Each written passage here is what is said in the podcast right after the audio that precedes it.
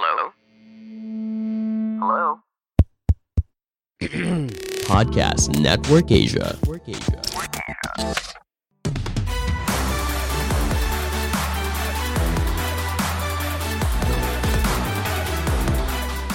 Self love and self limiting.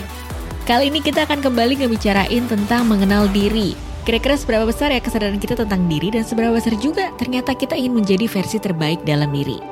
Langsung aja buat kamu yang pengen tahu lebih detail lagi, dengerin episode kali ini.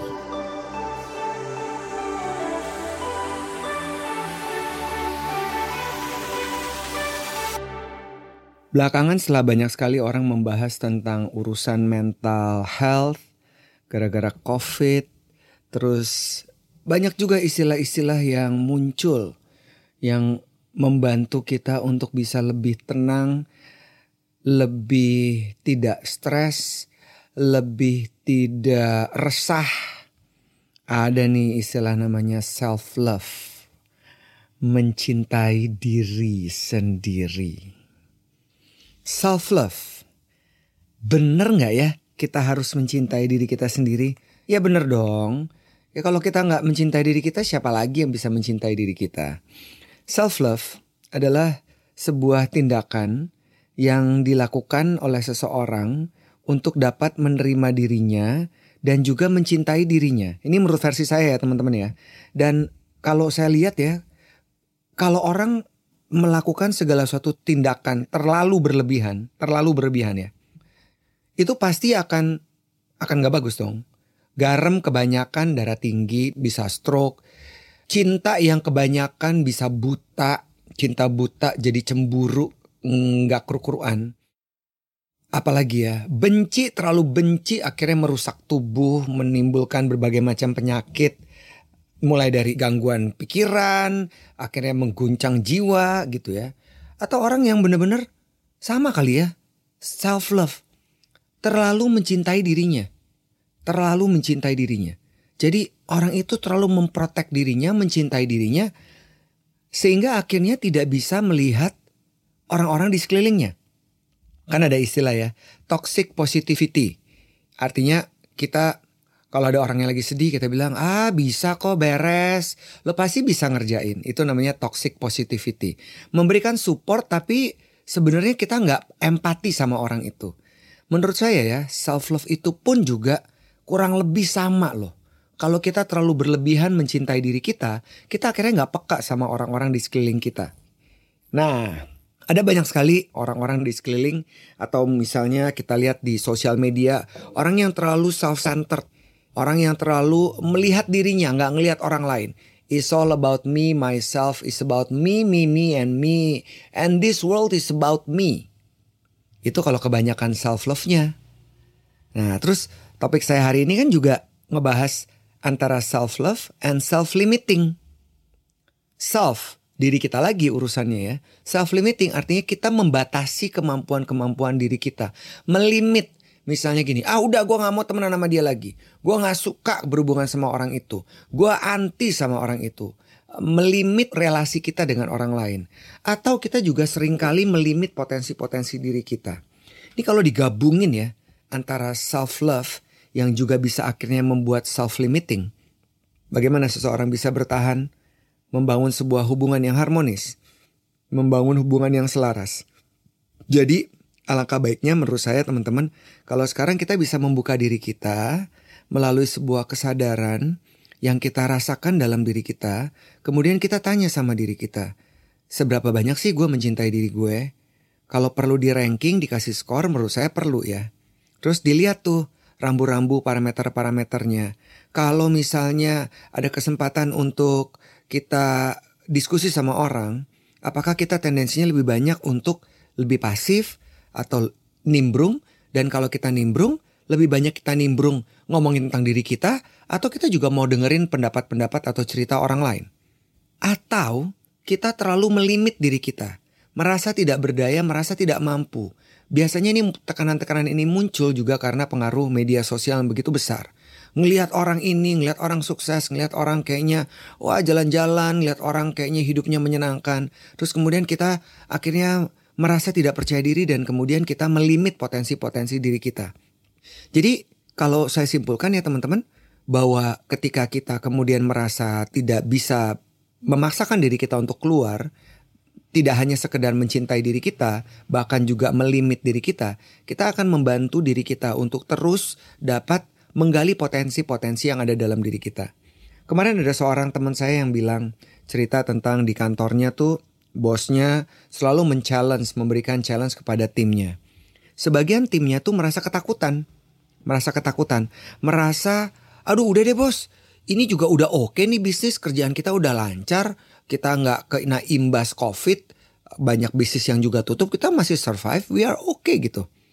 Jadi kemudian merasa self-limiting self limiting atau mungkin self love ya terlalu mencintai diri dengan waktu yang udah nyaman akhirnya nggak bertumbuh. Terus teman saya nanya jadi gimana sih menurut lo? Saya bilang kayaknya menurut gue ya ada tiga faktor tuh yang membuat seseorang kemudian akhirnya menjadi self limiting atau mungkin malah self self love yang terlalu besar kadarnya. Yang pertama saya bilang orang itu nggak confident sama dirinya Iya dong, kalau kita melimit diri kita berarti kita nggak confident ya terhadap potensi-potensi yang akan muncul kemudian hari yang berpotensi untuk meningkatkan kapasitas diri kita. Confidence, confidence juga sama seperti yang tadi saya bilang. Nggak boleh kebanyakan, kalau kebanyakan jadi overconfident, jadi lebay, jadi nyebelin, jadi jumawa, jadi angkuh. Kalau nggak pede, confidentnya rendah, ya nggak bisa dong. Kita hanya fokus kepada melimitasi diri kita atau terlalu mencintai diri kita. Jadi masalah confident itu bisa menjadi salah satu faktor besar seseorang untuk tidak bertumbuh. Yang kedua, keahliannya yang gak digali. Gak menantang diri, gak memaksakan diri untuk terus bertumbuh. Dan ya susah lah ya.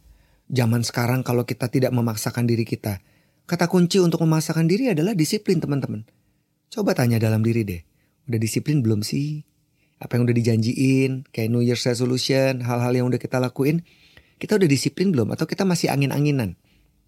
Nah itu bisa jadi parameter ya untuk bisa melepaskan limitasi-limitasi dalam diri kita. Yang ketiga, tidak dapat mengatur waktu dengan bijaksana. Time managementnya pur banget. Ketika seseorang tidak dapat mengatur time management, tidak dapat mengatur waktu, kapan mau ngerjain ini, ini penting apa enggak, harus kerjain sekarang atau nanti aja dan lain-lain itu akan membuat seseorang akhirnya akan berlindung di balik limit dalam dirinya. Atau dia terlalu mencintai dirinya ya udah emang gua kayak gini, emang gua begini. Akhirnya bisa menjadi orang yang toxic positivity. Jadi teman-teman sekalian di podcast saya kali ini, saya ingin mengajak teman-teman, ini datang dari hati loh, sejujur-jujurnya. Coba deh kita lepasin ketakutan-ketakutan yang ada dalam diri kita. Kita kemudian melakukan refleksi ke dalam diri kita. Seberapa besar sih gue cinta sama diri gue? Apakah udah pas? Atau terlalu berlebihan sehingga gue memprotek diri gue? Sehingga gue tidak peduli sama orang-orang di sekeliling gue? Tidak punya kesadaran yang penuh untuk melihat orang-orang di sekeliling kita atau apa yang kita mau lakukan. Terus tanya ke dalam diri juga teman-teman. Apakah limit-limit yang ada dalam diri gue dari tahun ke tahun itu tetap sama pagar yang gue bentuk terhadap potensi-potensi yang akan kita kembangkan, akan kita lakukan. Jadi memang harus didobrak dengan sebuah keberanian.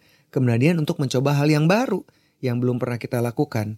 Nah ini adalah bagian dari hal-hal yang dapat kita lakukan teman-teman ya untuk melepaskan self-limiting dan tidak terlalu self-love.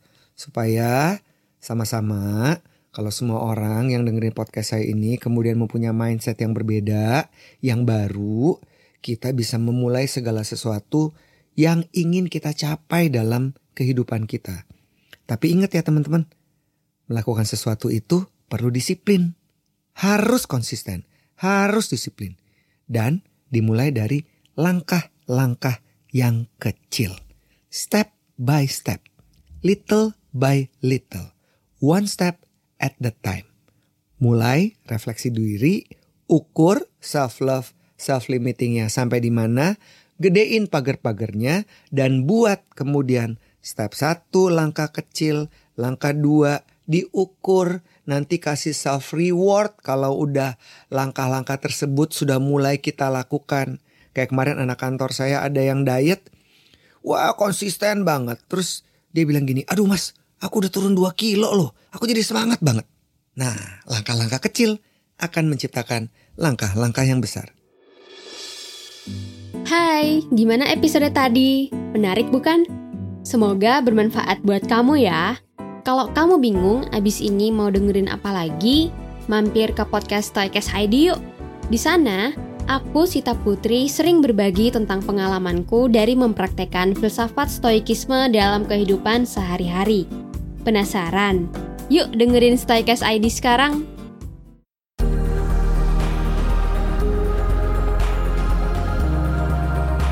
Pandangan dan opini yang disampaikan oleh kreator podcast, host, dan tamu tidak mencerminkan kebijakan resmi dan bagian dari podcast Network Asia. Setiap konten yang disampaikan mereka di dalam podcast adalah opini mereka sendiri dan tidak bermaksud untuk merugikan agama, grup etnik, perkumpulan, organisasi, perusahaan, perorangan, atau siapa pun dan apa pun.